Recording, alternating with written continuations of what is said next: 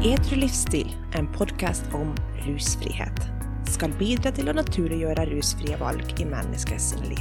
Vi ønsker å gjøre det lettere å velge bort alkohol og annen rus, og bidra til forståelse for slike valg. Gjennom et positivt fokus skal vi få frem hva man kan vinne på å velge en edru livsstil. Ny episode og ny gjest på Edru-podden. Og i dag skal vi bevege oss ut på et veldig, veldig spennende tema. Vi skal snakke om tro og alkohol og mye annet. Og i studio med meg så sitter Asle Sakariassen. Velkommen. Yes. Takk for det. Veldig kjekt å være her. Du er jo en veldig spennende mann, det må jeg si, som har vært bort i mye forskjellig, og gjort mye forskjellig, og gjør mye forskjellig. Blant annet så er du pastor i en menighet mm -hmm. ute på Moldekleiv. Det stemmer. Ja, Og så eh, er du student. Ja. På hel, du, du 70 studerer nå. Ja. Tar en, eh, en bachelorgrad i eh, såkalt verdibasert endringsledelse en del av ledelse og teologi. Da. Så det er veldig spennende. For du har jo allerede en bachelor i Arbeids- og organisasjonspsykologi. Ja. Så det der er et spor jeg tydeligvis er veldig interessert i. Så, så kjekt. Så er du bonde, på en måte? Yes, litt grann på hobby. Har noen villsauer, ja. Det er sauer og litt kaniner og. Litt høner. litt høner. Ja, Og en hund. Det hører til på en gård, vet du. det må til. Det er jeg helt enig i. Ja, det er kjekt. Så har du jo til og med vært soldat en gang i tiden, ja. og vært utplassert i Afghanistan. ja. Eh, og det hadde jeg egentlig lyst å spørre deg om før vi starter på dagens tema. fordi at eh, det er jo utrolig i tiden akkurat nå med at USA har eh, dratt seg ut ur landet og forlatt, eh, forlatt kaos etter seg, rett og slett. Hva tenker du om, om alt som har skjedd eh, i de siste ukene? Det er klart at det er en smerte eh, å se eh, det som skjer eh, når jeg ser uttrekningen og, og hvor raskt på en måte Taliban kommer tilbake til makten der. Eh, tyder jo selvfølgelig på at eh, de har en, en stor nok del av folket som enten ikke ønsker eh, å gjøre motstand, eller omfavne deres styre. Og det er klart det er vondt å se etter så mange år, så mye folk, så mye mennesker som har ja, egentlig gitt livene sine eh, der nede, da. Og så kunne vi jo sikkert diskutert veldig mye att og fram med, med liksom krig og fred og, og hva funker. Kan du gå ned i et land og, som en vestlig styrke og si her er liksom eh, veien, Eh, gå på denne, gjør på denne måten, bli sånn eh, som oss. Og det er klart at eh, vi har ofra mye, og vi har gjort mye eh, ned i landet der, eh, sånn at å se Spesielt for meg har det vært den smerten i på en måte å se hvordan kvinner har fått eh, kommet seg fram. da. Eh, mm. kunne ta utdanning, gå på skole, jentene kan gå på skole og sånn. På en måte eh, Taliban har vært sterke motstandere av det. Å se sånn som spesielt scener vi har sett i Kabul, der, der en blir redd for at nå kanskje kan ikke vi gå på skole eller fortsette den på mange måter friheten som i alle fall fra mitt perspektiv jeg har opplevd at lokalbefolkningen har framelska og ønska å leve i. Det, det er vondt å se. Ja, Det syns jeg. absolutt. Hvor lenge var det du var der? Jeg var eh, seks måneder, så Ja. jeg var én kontingent.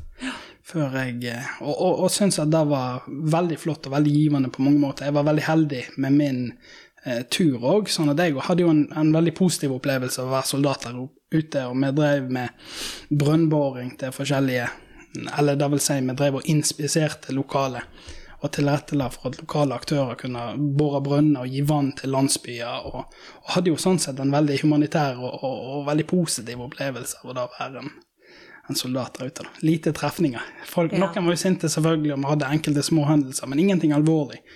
Eh, Så jeg var jo heldig. Eh, Mange av mine kollegaer har ikke vært Like heldig? så heldige. Nei. Hadde ikke. Men eh, fantastisk eh, at du har tatt deg an den oppgaven og fått den opplevelsen òg, tenker jeg. da. Det har sikkert eh, fulgt deg i livet etterpå. Ja. Det har det altså. Det Vært rikt. Men ja, dette her med tro og alkohol, det er jo et ganske eh, dypt og stort tema. Med mange meninger. Og ja. nå, vi, nå snakker vi jo om kristendom og alkohol, da. fins det jo mange andre vinklinger, men det blir dagens vinkling. Og da lurer jeg egentlig på, for som avholds sjøl, kan jeg ofte ha opplevd å ha blitt satt i en kristen boks mm. eh, fordi at jeg er avholds. Men det er jo ikke nødvendigvis derfor folk er avholds i dag. Men jeg tror det kanskje det var vanligere før i tiden. Men da hadde jeg litt lyst til å spørre deg, Asle, om du har noen tanker rundt dette. Eh, hvordan er det egentlig i dag i samfunnet? Uh, med kristendom, og, og er, er, alle kristne avholds? Er de ikke det? Hva, hva, tenker du? Ja, det er klart, her er vi inne på en, en på mange måter spennende eh, spørsmål der vi har sett store endringer eh, den siste perioden. Du kan si at historisk sett så har vi definitivt, hvis du går noen år tilbake dit, 10, 20, 30, 40, 50 år tilbake dit, så var det nok en mye større Eh, andel av den kristne befolkningen som hadde et sterkt og, og avholdsstandpunkt. Og det har mm. ofte vært veldig utbasunert og, og vært en sterk tanke. Generelt sett så, så, kan vi se at kristenheten har vært skeptisk eh, til eh, bruken av alkohol. Mm. Eh, og da har en f.eks. begrunna ut ifra enkelte tematikker som Bibelen tar opp, og da er jo en av disse Bibelens forfattere Paulus, som har jo skrevet mye av, mye av Det nye testamentet, og mange av disse brevene. Han har noen sånne uttalelser der han er tydelig på at min frihet skal ikke være en last for min neste, da, eller den som jeg eh, har rundt meg. Og det har på en måte historisk sett vært et viktig argument for mange til å si at du vil finne innenfor kristenheten at alkoholen i seg sjøl Det er veldig få som sier det er alkoholen som er problemet. Det er ikke, da, det er ikke av og til, og da opplever jeg som, som er kristen og som pastor og, og møter mennesker som ikke deler samme tro eller har samme historie, at at en del tenker at fordi jeg er en kristen, så syns jeg at alkohol det er forferdelige greier. Det er en styggedom. Mm. Og det er jo ikke sant. Nei. Og det er egentlig ikke historisk sett sant heller. Vi vet jo at Jesus han eh, gjorde vann om til vin, helt til å si. Og der, det er jo ofte det vi får høre, da. ja. Og der har vi av og til stillhet i. Men, men kristenheten har vært veldig opptatt av hva den bruken av alkoholen kan føre til av konsekvenser. da. Eh, og det er det som kanskje gjør at, at avholdsstandpunktet har stått så sterkt innenfor kristenheten, og fremdeles på mange måter står veldig sterkt, ikke minst på Vestlandet.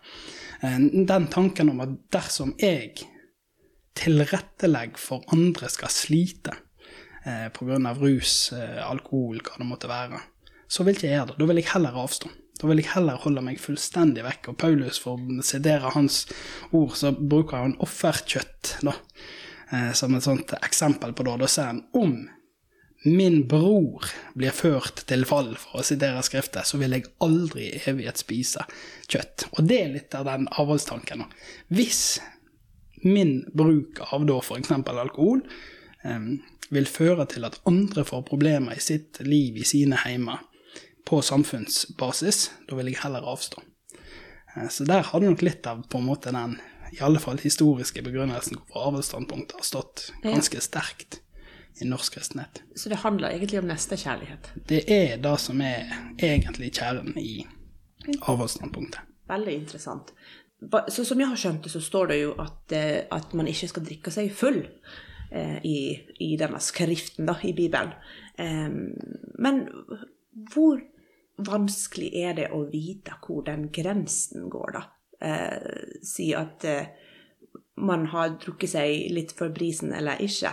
Eh, det syns jeg må være utrolig vanskelig å forholde seg til. Det er klart at Da tror jeg du vil finne mange som er enig innenfor eh, kristenheten òg, at, at, disse her grenseoppgangene eh, kan være vanskelig eh, å navigere i. Og på mange måter så vil du, hvis du hadde kommet til meg som som i rolle av å være pastor da, og kristen veileder, og så vært veldig opptatt av hvor går grensa, hvor mye kan jeg egentlig innta, så ville nok min respons vært at da stiller du egentlig litt feil spørsmål. Eh, da, da, da, da kanskje har du allerede en utfordring i forhold til dette, for målet er hvor mye kan jeg ta. Da ville jeg heller, eh, som en kristenveileder i alle fall, så ville jeg tenkt ja, hvor lite? Kan du være fornøyd med. Hva er det du trenger egentlig å ta imot, da?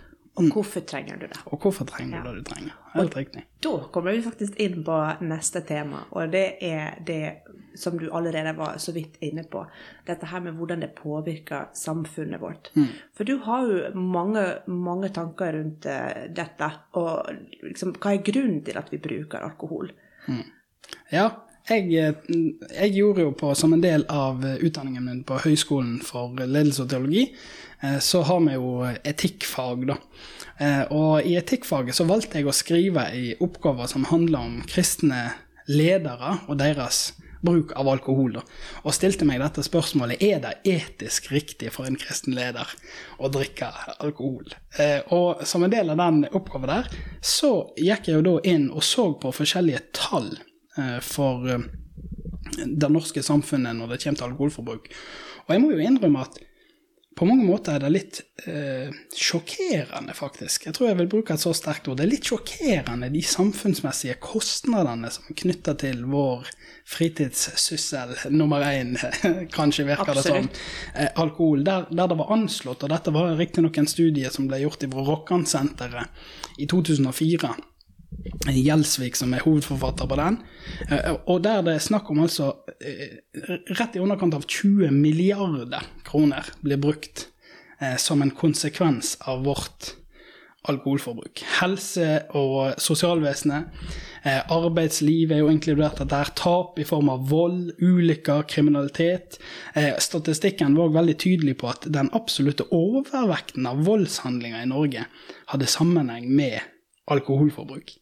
Eh, vi ligger jo sånn sammenligna sammenlignet med andre land, så ligger vi relativt høyt på antall alkoholenheter vi inntar eh, på individbasis, eh, og, og ligger jo ja, ganske greit høyt der. Og det viser jo òg at, at alkoholforbruk øker sjansen for vold i parforholdet.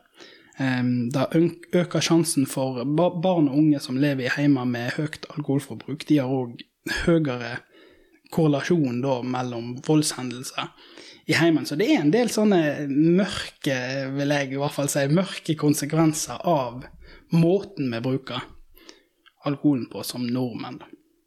Absolutt. Og tallene viser at det, når du nevnte barna her i familiene, at det er ca. 90 000 barn i Norge i dag som vokser opp i hjemmet med alkohol- eller rusrelatert ja. problem, misbruk. Og det er jo veldig mye. Så det å tenke over sitt eh, bruk når du er sammen med andre, er jo faktisk ikke en dum ting. Nei. Nå er jo jeg eh, og, og, og syns at eh, det å velge en edru livsstil er godt uansett, både for helse, kropp og sjel, men også for samfunnet, selvfølgelig. Og det er klart du har litt statistikk som, er som støtter den påstanden. Du har jo det. Problemet er jo, føler jeg, da, at det er noe som er litt sånn tabubelagt å snakke om. For det er ikke særlig populært. Eh, fordi at ofte kan folk da tenke at du eh, vil stjele det som er moro, og du vil ta vekk kosen. Um, og det er jo ikke det som er hensikten og poenget bak. Men samtidig må vi tørre å snakke om disse tingene. For du, alt det som du nettopp har, har uh, nevnt, uh, er jo noe som vi må forholde oss til, hvis vi vil det eller ikke. Det er det. Er det. Og vi vet, at, vi vet at det er mennesker som sliter med rus.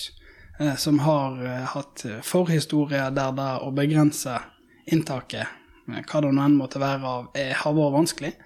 Og det er klart at eh, som, i alle fall som, som på en måte en kristen leder, og, og i disse spørsmålene her med, eh, med hvilke konsekvenser har mitt standpunkt og min, mine vaner for de som er rundt meg, så har det jo vært et viktig moment det der med å skape en trygg plass der du kan komme og være en del av et fellesskap, uavhengig av din bakgrunn og hva du sliter med.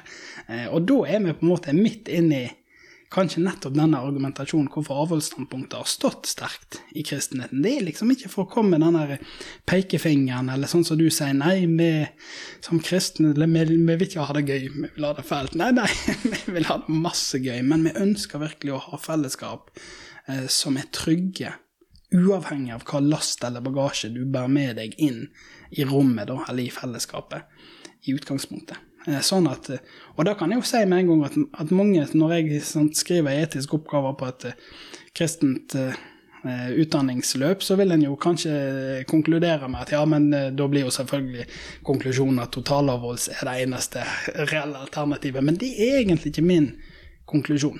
Hva er din konklusjon? Min konklusjon er, for å eh, si det veldig enkelt, eh, eller oppsummere det sånn, eh, min siste setning, er jo at den som velger å nyte alkohol, gjør ikke noe galt. Men den som velger avhold, han gjør det bedre. Han velger noe som jeg egentlig kommer fram til at det er et bedre standpunkt. Og da selvfølgelig i den eh, konklusjonen og den etiske refleksjonen som ligger bak der, så går du gjennom forskjellig for de som er interessert i sånn, du går gjennom pliktetikk, du går gjennom konsekvensetikken, du går gjennom dydsetikken, og kommer fram til litt forskjellige betoninger og vektlegginger der. Der kan vi kanskje følge opp i en annen samtale, men, eh, men poenget uansett er at måten du bruker alkohol, vil være avgjørende uansett. Da å eh, bruke alkohol og så gå hjem og utsette ektefelle, samboer, barn eh, for eh, voldshandlinger, eller både om det er psykisk eller fysisk, vil jo ikke være greit uansett hvor du lander. Eh, og, Ja. og det er klart at dersom det er utfallet av mitt eh, forbruk eller mine vaner, så, så jo, vil jo jeg være så tydelig og si at da er det virkelig grunnlag for å revurdere dine vaner, og kanskje er ikke dette såkalte adiafora-spørsmålet til Paulus, som, som sier at vet du hva, hvis det fører til noe negativt, så vil jeg heller holde meg vekke fullstendig det dummeste utgangspunktet. Det kan faktisk ha noe for seg, til og med i vår eh, tid. Ja, og det er jo det. Jeg syns jo at det var en fantastisk setning og en veldig god konklusjon. Men, men som, som vi allerede sa, så kanskje alle disse tankene, særlig kanskje fordi unger unge, ikke kan oppleves som så kult. Em, og da lurer jeg på, hva hadde du sagt til, til de som på en måte har lyst til å ta et bedre standpunkt, har lyst til å si da drikke mindre eller ta bedre valg, men føler seg presset til å, til å drikke for, på grunn av venner eller miljø som de befinner seg i. Hva, hva kan vi si til dem? Mm, Det er jo et eh, fantastisk godt eh, spørsmål. Og på mange måter, hvis jeg skal begynne å nøste opp i det der, så, så er det kanskje et par element som jeg vil dra inn i på en måte en sånn, et sånt spørsmål, en sånn tankemåte. At, at for det første så vil jeg jo si at det er kult å skille seg ut. Det er det som egentlig Det å stå for noe. Jeg tror faktisk at veldig mange mennesker egentlig lengter etter å ha et standpunkt i livet, at de står for noe. Og det tror jeg gjelder både, både gutter og jenter, helt jeg bare si, unge menn og unge kvinner. Det å stå for noe og ta standpunkt og, og, og stå fast på noe, det tror jeg er noe som er, virker godt for oss eh, å, å våge å omfavne. Jeg tror definitivt det er en sånn terskel. Er, vi, vi kjenner til dynamikkene med gruppepress og alt sånt her. Men jeg vil, ville sagt at vet du hva, prøv å ta et standpunkt.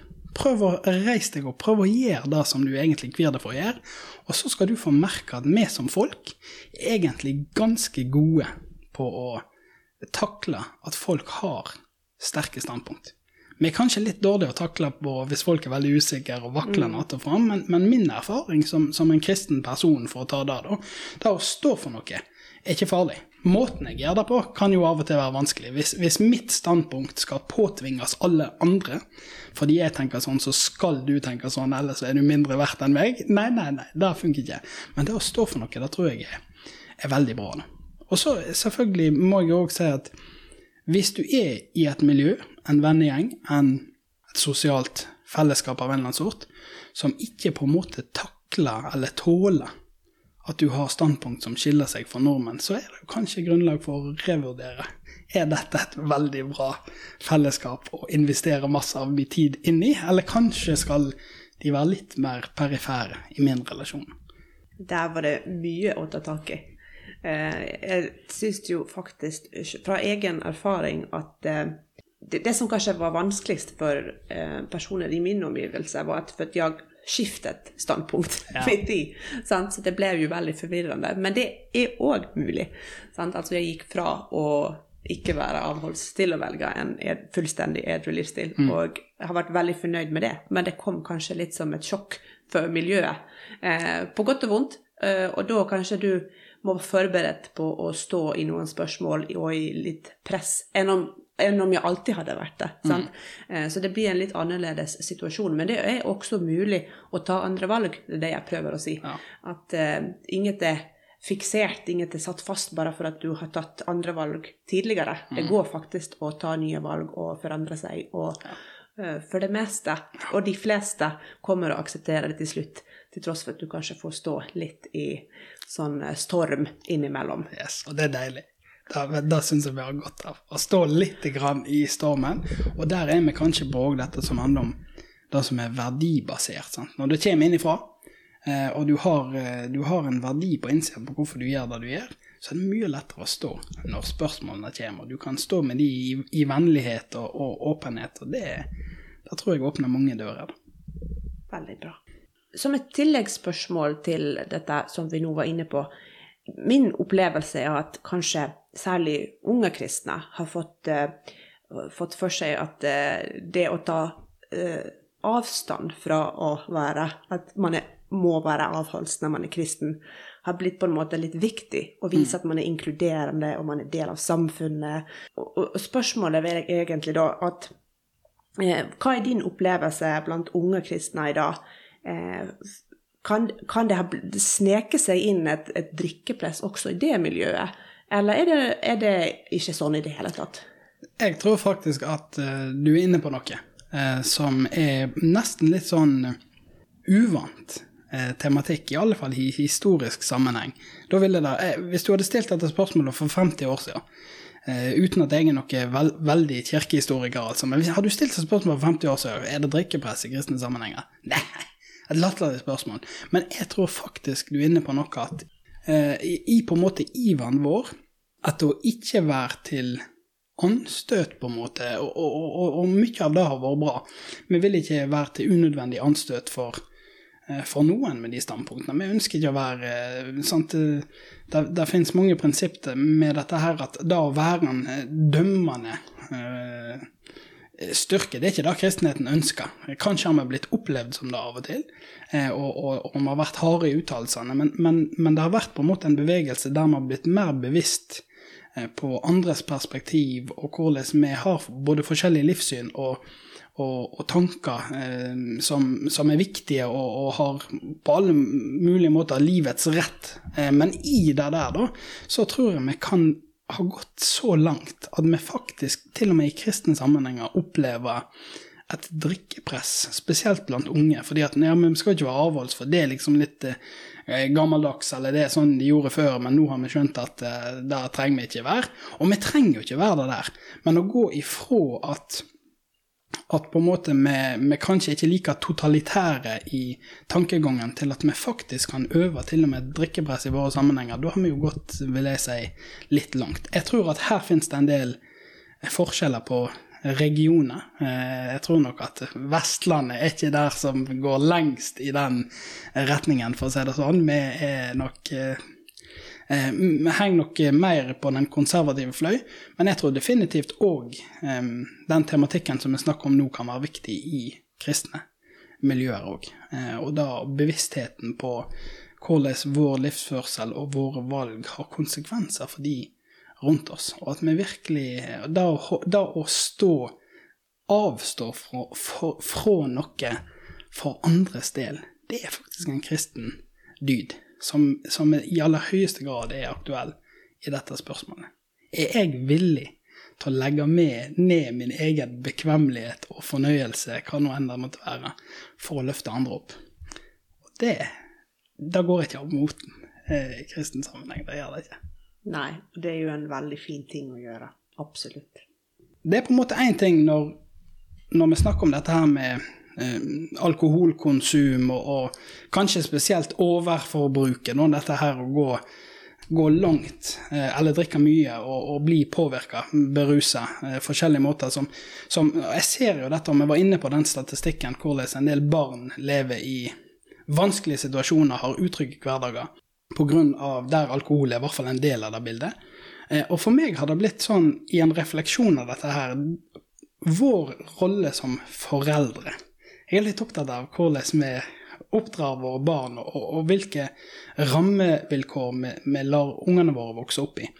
Og da, Jeg er jo far, da, så det blir jo eh, som mm. far spesielt jeg reflekterer. Eh, men, men, jeg har jo en sånn refleksjon at som far, som pappa, så tror jeg at min absolutt viktigste funksjon er å skape trygghet for mine barn. At mine barn får oppleve at i vår heim så er det trygt å vokse opp. Det er trygt å være her. Og pappa, som er jo da min rolle, pappa han skaper trygghet. Det er jo selvfølgelig òg mor, eh, men jeg må jo konsentrere meg om min jobb. Men, men sant, dette her at pappa, han skaper det trygt rundt meg. Og jeg vet at barn og dette viser jo òg de forskjellige holdningsskapende kampanjene både til altså mange forskjellige, både kristne og ikke-kristne eh, organisasjoner, viser dette at barn plukker opp våre forandringer i personlighet og holdninger og kroppsspråk og alt ganske fort. Fortere enn vi egentlig tror. Og, og, og, jeg vil jo da argumentere for at da å bevare denne tryggheten i heimen kan faktisk ha enormt mye å si for hvordan våre barn blir ungdommer, eh, hvordan de blir voksne, og hvor, hvilken sunn bagasje de har med seg fram. Og da syns jeg at om du er en troende, helt til si, og syns at Jesus er flott og fin, eller om du liksom er eh, ikke interessert i det sporet i det hele tatt, så, så, tror jeg at dette her er jo relevant for alle, og, og, og, jeg mener det er virkelig verdt å tenke på. Det betyr ikke at, være, eh, at jeg sier at du må være avholdig i alle situasjoner uansett, men det betyr definitivt at jeg sier tenk deg om. Er det nødvendig? Er det verdt den Kall det avslapningen, eller hva det er, hvis du skaper en utrygghet. Kanskje er det å ha en samtale med barna. Kanskje la de virkelig få lov å si sannheten. Hvordan opplever du når jeg nyter alkohol her i heimen? Hvordan er det for deg når det er sånn og sånn? Og, og kanskje kan det avdekke at barna syns dette er litt skumlere enn vi er klar over. Og det kan være vel verdt å gjøre noe med for å skape det fundamentet, den psykologiske tryggheten, den tilknytningen som barna egentlig trenger for å fungere optimalt da, i vårt samfunn. Jeg tror at da legger du noen skatter i den bagasjen som virkelig kan ha fantastiske positive eh, konsekvenser for både deres eget liv, men òg for oss som samfunn. Asle, dette var fantastisk bra sagt. Og som mor kan jeg si at jeg er helt enig. Eh, for meg er det veldig viktig å alltid være klar i tankene. Alltid mm. kunne være til stede hvis det skjer noen ting hjemme. Eh, kunne hent, hente de hvis de trenger det en sen kveld på byen. Nå er ikke vi så langt, men eh, den, den, da den dagen kommer, at man alltid er ja, rett og slett eh, har den muligheten til å, til å være der for dem og gi den trygge havnen som de trenger. Så gode tanker. Vi har jo også mange kampanjer der ute som eh, f.eks. av og til uh, har lagd og mm. Hvit jul-kampanjen fra IOGT, som, går, som, handler just om dette her, hvordan barn opplever voksne som drikker seg full.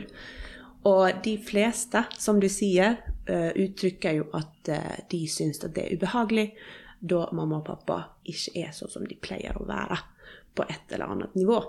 Så til ettertanke å ta med seg i bagasjen, absolutt.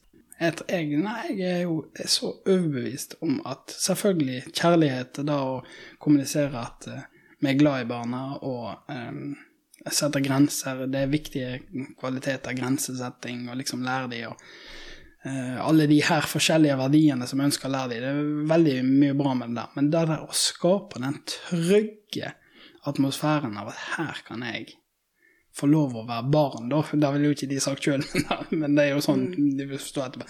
Du får lov å være barn, få lov å utfolde seg, utvikle seg, og at du som barn skal du aldri måtte ta vurderingen Er pappa nå trygg til at jeg kan være det som jeg er, da. Mm. Vi vet jo unger er utagerende av og til. Vi vet at de av og til De klarer ikke å holde kontroll på følelsene. Herlig fred, det klarer ikke vi alltid engang. Sånn, de mister det. Hvis de må gå rundt og begynne å spørre er det trygt for meg nå, og må holde tilbake fordi de er redd for hva skjer, hvilken tilstand er pappa i nå, hvilken tilstand er mamma i nå, en veldig stor belastning eh, som ingen barn skal trenge å måtte forholde seg til. Og hvis det betyr at jeg må tømme vinskapet så er det søren meg verdt det. For det er en investering som kommer til å vare evig. Rusen er vekke neste dag. Men dette varer evig nå. Mm. Så jeg er litt engasjert for akkurat det der. barnet. Et av de siste spørsmålene jeg har til deg, Asle, eh, og det er kanskje just mer et kristent spørsmål som, som eh, går mer mot den kristne befolkningen i Norges land. For at vi vet jo at det er veldig mange tidligere rusmisbrukere eller alkoholmisbrukere som har blitt eh, fri fra rusen på et kristent rehabiliteringssenter eller gjennom kristent fellesskap. Hva er, det, hva er grunnen til at de på en måte Du som, du som pastor, eh, hva er, kan, kanskje kan svare på spørsmålet hva er grunnen til at de finner veien ut av rusen via de kristne miljøene?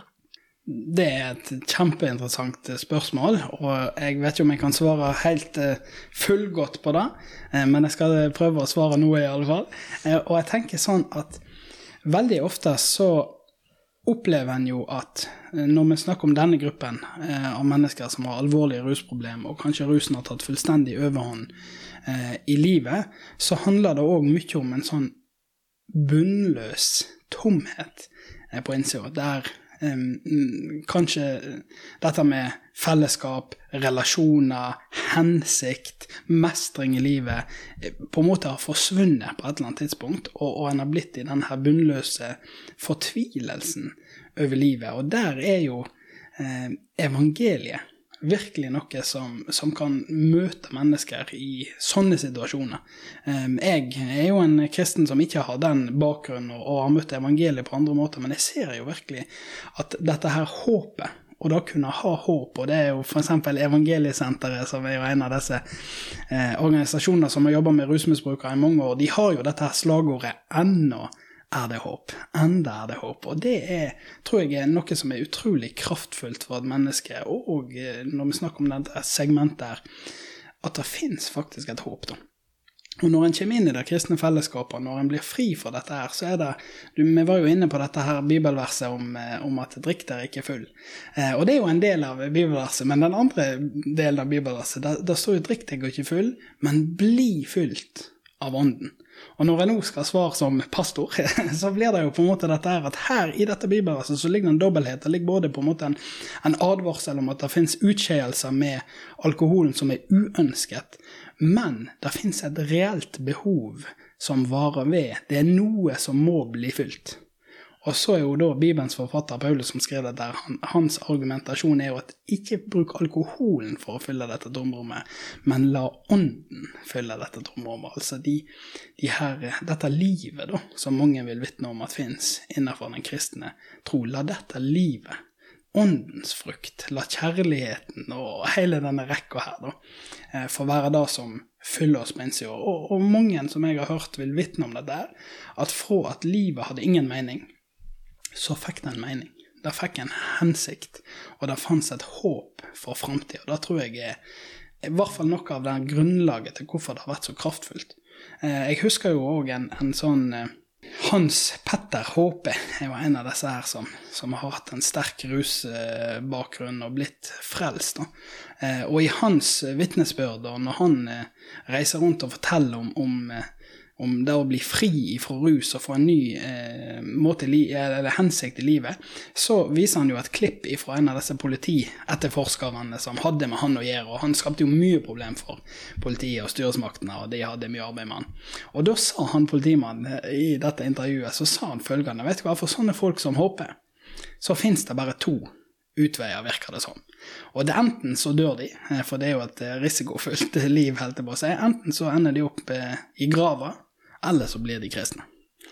Og det var liksom de to alternativene. Og her er vi, mener jeg, inne på et eller annet med den forvandlingskraften eh, som fins i det håpet eh, som den kristne troen gir. Tusen, tusen takk, Asle, for eh, gode ord om mulighetene som finnes der ute. Jeg må få si at du er så utrolig flink å ordlegge deg. Det har vært en fryd å ha deg med En glede å få lov å være med. Kjempekjekt. Ja, så tusen takk enn en gang. Du må ha masse lykke til med eh, studier og barn og sauer og hunder og høner og hele balletten. Takk for det. Da har jeg lyst til å avslutte med den gode setningen som du hadde i eh, slutten på den eh, avhandlingen eller rapporten din eh, som du snakket om tidligere. Hva var det? Det der kan jeg ta. Det er rett og slett at den som velger å nyte alkohol, gjør ikke noe galt. Den som velger avhold, den velger bedre. Tusen takk. Edrupodden er et samarbeid mellom DNT Edru livsstil og stiftelsen Ansvar for framtiden. Har du en edru livsstil? Bli medlem hos oss på edru.no.